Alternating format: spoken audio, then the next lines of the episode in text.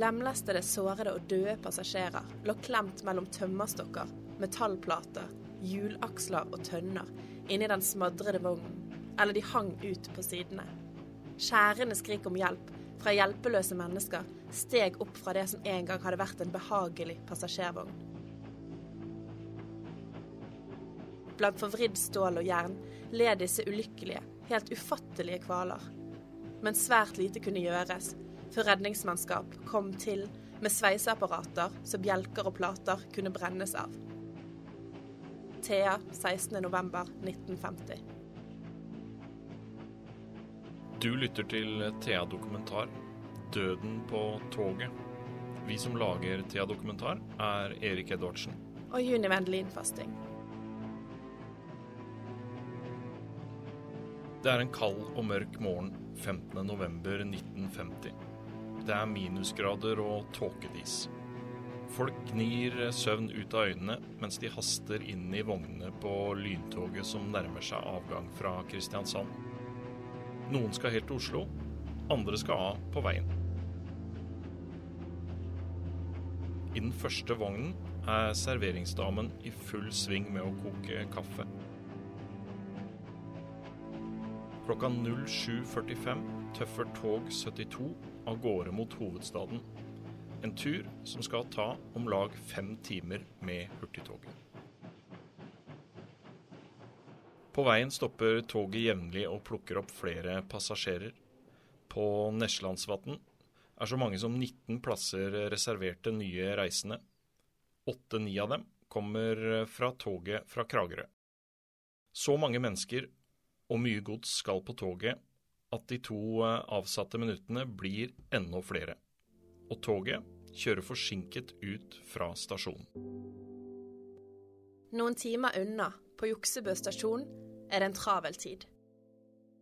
Det kommer tog fra alle retninger. Vogner skal hektes av og settes på sidespor, før de skal hektes på andre tog og reise videre.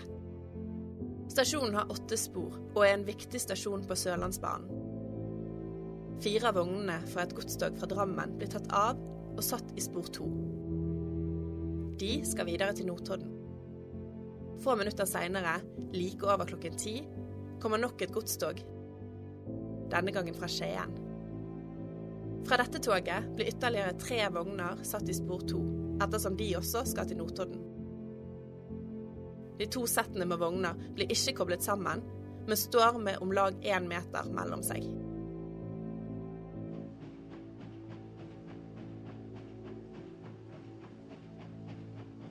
Toget fra Kristiansand har ennå ikke ankommet. Det er ytterligere forsinket, og er nå meldt ni minutter for seint inn til Juksebø. En 38 år gammel mann går på vakt som sporskifter på den sørlige delen av stasjonsområdet på Juksebø stasjon. Han går på med ny giv og vil utnytte de ni minuttene hurtigtoget er forsinket, til å sette damplokomotivet fra et nylig ankommet persontog over på de syv godsvognene som står klare i spor to. Arbeidet settes i gang. Men så oppdager sporskifteren og fyrbøtteren på lokomotivet at de bakre fire vognene ikke er koblet til de resterende tre vognene. Og de fire vognene triller av gårde på egen hånd etter å ha blitt dyttet i gang. Sporskifteren setter på sprang for å stoppe vognene før de forsvinner ut på et annet spor. Han klarer å komme seg opp på den nærmeste vognen og setter på brekket, men det er ikke nok. Bremsen er ikke sterk nok. Han mister taket, faller og kommer seg på beina igjen, før han prøver å nå igjen de andre vognene. Han kommer seg opp på en av de, men han har ikke brems. Han hopper av igjen og forsøker å nå frem til den tredje vognen, som han ser har brems. Men vognene har allerede kommet ut i et sterkt fall mot Holtsås. De får stadig større fart og sklir lenger og lenger unna. Den første vognen er lastet med tomme jernfat med en samlet vekt på 12 tonn. Den neste er en åpen vogn med telefonstolper, som til sammen veier 32 tonn. Den tredje inneholder papir med en vekt på 28 tonn mens den fjerde vognen er tom. Lokomotivet med de tre resterende vognene kommer etter, og sporskifteren hopper om bord. Han krysser fingre og tær for at brekket skal virke likevel, og at vognene skal stoppe i en kurve før de passerer Søndre hovedsignal til stasjonen.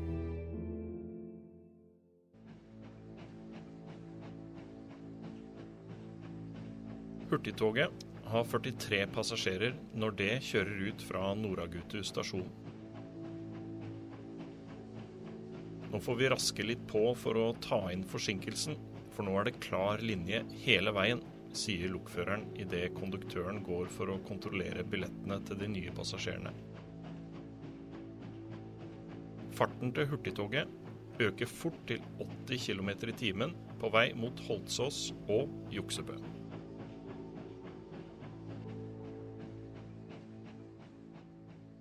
Samtidig fortsatte de løse vognene den ville ferden.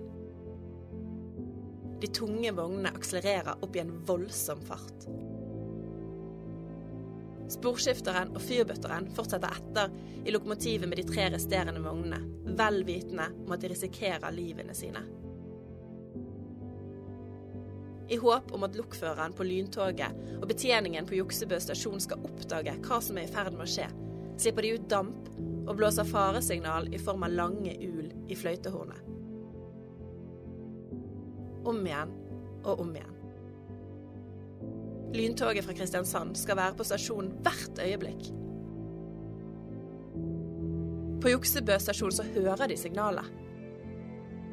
Ja, det hører jo Ekspressen, sier vakthavende togekspeditør til togføreren på et annet tog som nettopp er ankommet. Men de feiltolker faresignalet, som høres ut som lyden ekspresstoget lager når det setter opp farten. Men det tar ikke lang tid før de innser hva de faktisk hører, og togekspeditøren løper over plattformen sammen med en ekstra betjent. De to konstaterer at damplokomotivet er borte, og skynder seg å ringe til Holtsås for å få stanset toget fra Kristiansand der. Men det er for seint. Konduktøren og lokføreren på hurtigtoget ser vognene idet det kommer fram rundt en sving 500-600 meter unna. Lokføreren bremser, men det holder ikke. Klokka 10.50, 1350 meter fra Holsås stasjon, smeller det. NSB legger til grunn at lyntoget har en hastighet på 70 km i timen, mens vognene trolig har en fart på 50 km i timen. I løpet av sekunder blir styrevognen på lyntoget knust. Jernfatene kastes til side idet den første vognen smadrer rett gjennom hele styrevogna. Og den stopper ikke før den står et par meter fra de bakre hjulene. Godsvogn nummer to løfter seg over den første, og telefonstolpene fyker som rambukker inn i styrevognen. Skreller av taket og deler veggene og slenger dem til side. De kolossale stolpene har praktisk talt spiddet alt som kom i deres vei.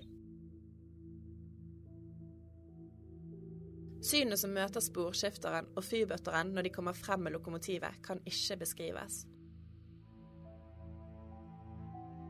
Den ene forteller. I den smadrende jernbanevognen hang en dame med hodet utenfor vinduet, og en annen dame hadde gått rett gjennom taket. Det var liv i de begge. Jeg hørte etterpå at damen som hadde gått gjennom taket, hadde blitt skalpert av jernplatene.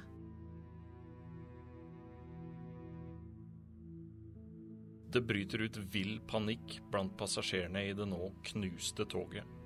Lemlestede, sårede og døde ligger klemt mellom tømmerstokker, metallplater, hjulaksler og tønner. Det hele er et virvar og et kaos som man ikke kan forestille seg uten å se det.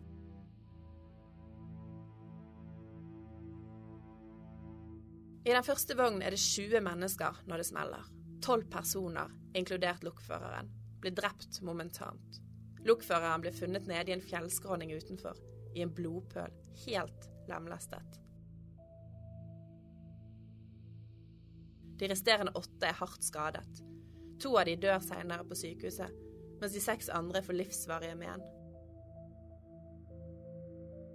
Totalt krever ulykken 14 liv. Konduktøren hadde nettopp gått ut av den første vognen da det smalt, og reddet dermed livet. Passasjerene i de øvrige to vognene slapp nemlig så godt som fysisk uskadd fra sammenstøtet. Det skal vise seg at det var en lykke at vognen med tomme tønner kom foran og tok av for telegrafstolpene. Hadde ikke fatene virket som støtdempere, ville det høyst sannsynlig gått langt verre utover passasjerene i de andre vognene òg. Men passasjerene fra resten av toget er like fullt i panikk. Flere skriker hysterisk etter hjelp, leger og sykebiler, mens andre forgjeves forsøker å komme til for å hjelpe. I den midterste vognen sitter bl.a. to damer og leser idet det smeller. Det plutselige trykket gjør at de blir slengt mot hverandre.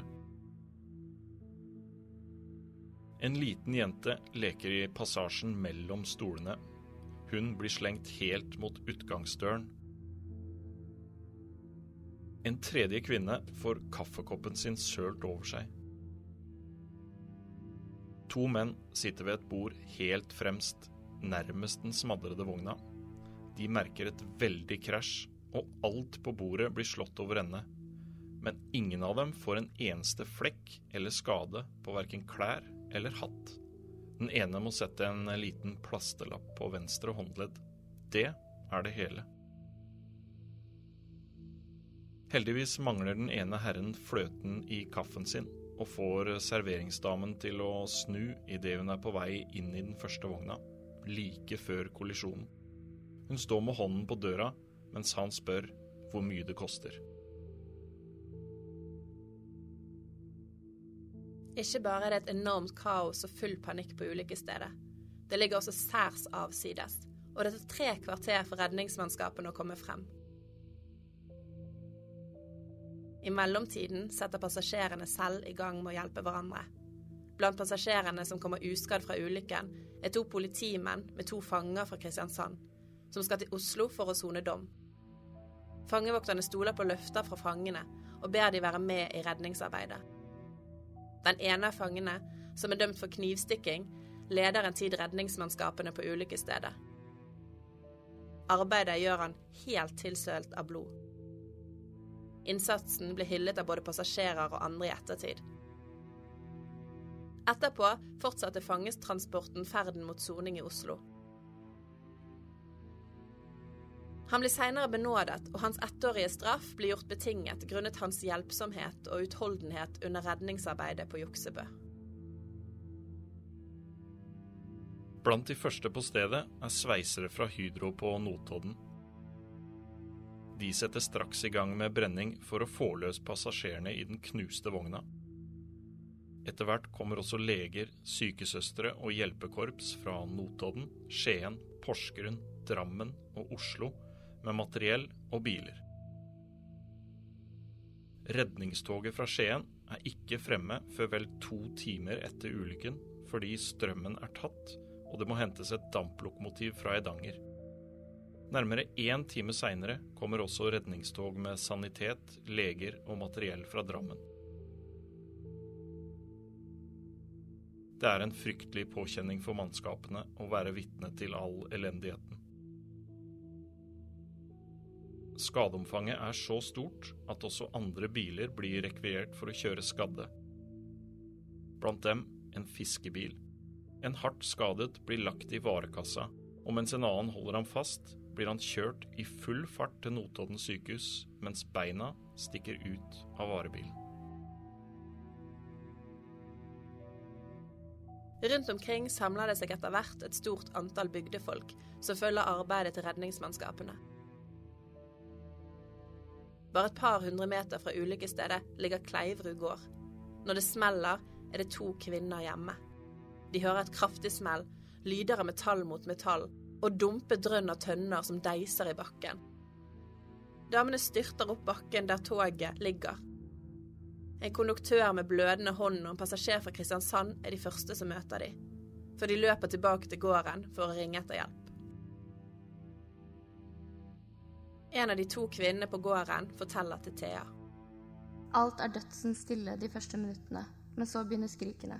Hjerteskjærende og uhyggelig fra mennesker som har de frykteligste lidelser og smerter. Det var uhyggelig. Vi kunne ingenting gjøre. Alt var forvridd, jern og stålmasser som vi ikke klarte å trenge gjennom for å befri de lidende. Dessuten var skrikene så grusomme at jeg nærmest måtte flykte i hus. Det var så vi ikke orket det lenger.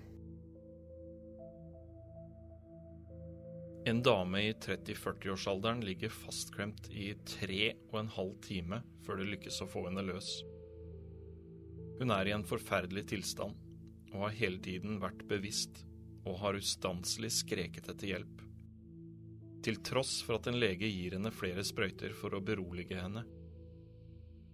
Beina hennes stikker ut av siden av toget, og det er derfor mulig å komme til med sprøyter de siste par timene dreier hele redningsarbeidet seg først og fremst om henne, og alt går i et febrilsk tempo.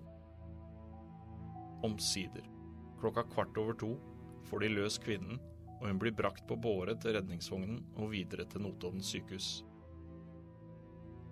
Der dør hun av skadene. En fire måneder gammel baby ble funnet ved tretiden og lagt til side fordi redningsmannskapene tror den lille jenten er død.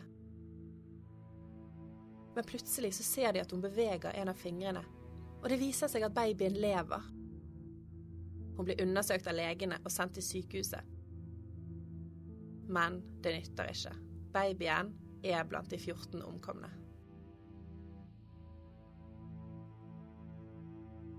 Til Thea forteller oversøsteren ved Notodden sykehus at pasientene som kommer inn dit, er enestående. Alle som er ved bevissthet når de blir brakt inn, er oppofrende og tenker ikke et øyeblikk på sine egne lidelser. Ta ikke meg først, sier de. Hjelp heller noen av de andre som trenger hurtig assistanse. Alle vil ofre seg, uansett hvilke lidelser de har.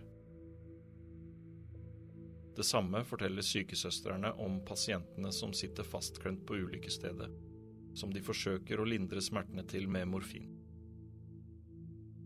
Dagen etter, 16.11.1950, er tragedien oppslag på forsiden av Verdens Gang med tittelen 'Den største jernbanekatastrofen i Norge i fredstid'. Togulykken krevde 14 liv. Seks barn mistet begge foreldrene, og enda flere mistet pappaene sine. Pga. NSBs regler for reservasjon av sitteplasser er det passasjerer fra Arendal og Kragerøbanen som sitter i den fremste vognen, og ulykken rammer derfor først og fremst pårørende langs disse to togbanene. Blant de man må kunne si at ble aller hardest rammet, er en mann fra Kragerø. Han har nettopp gravlagt sin mor sammen med sin familie, Mannen var ikke sjøl på toget, men må etter ulykken begrave sin datter, sitt barnebarn og to søstre, som skulle reise hjem etter begravelsen.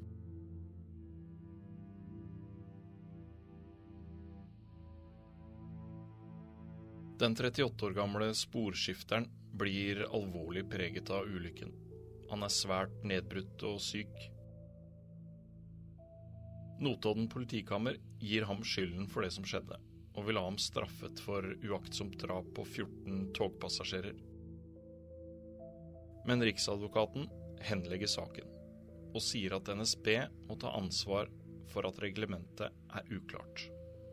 Men NSB på sin side fortsetter å gi sporskifteren skylda, og straffer ham ved å frata ham muligheten for å utføre arbeid som inkluderer sikkerhetstjeneste. Etter åtte måneders sykemelding ber sporskifteren om å bli flyttet til Notodden stasjon. En av kollegene sier seinere at han var en bitter og en merket mann resten av livet.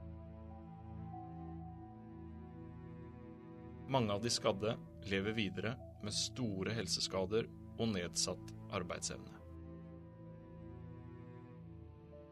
Flere av de skadde og pårørende etter de døde retter erstatningskrav mot NSB. Ulykken koster NSB 910 000 kroner. En sum som i dag ville utgjort nærmere 21 millioner kroner. Men det tar tid å nå frem med kravet, og flere av de etterlatte må vente i over fire år.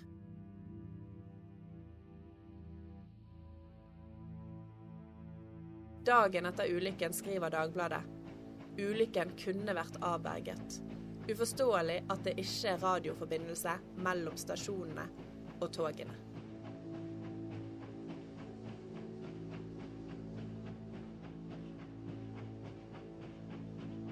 Du har hørt eh, Thea Dokumentar, 'Døden på toget'. Vi som lager Thea Dokumentar, er Erik Edvardsen. Og Juni Vendelin Fasting. I denne episoden har vi også lånt stemmen til Liselotte Nyrud. Ansvarlig redaktør er Ove Meldingen. Musikken er laget av Simon Tekeste. Har du tips eller innspill til andre podkaster vi burde lage? Send oss en e-post til dokumentar krøllalfa thea.no. Kildene våre til historien i denne podkasten er Telemark Arbeiderblad, nå Telemarksavisa, boken 'Juksebø 1950' av Ingvar Skobba og Halvor Kleppen, samt VG og Dagbladet.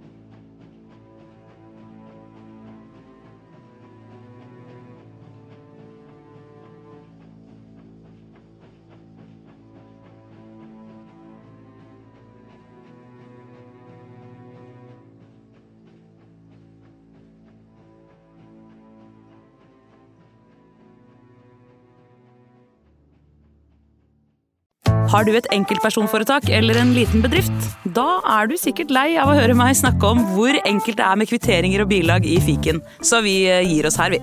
Fordi vi liker enkelt. Fiken superenkelt regnskap.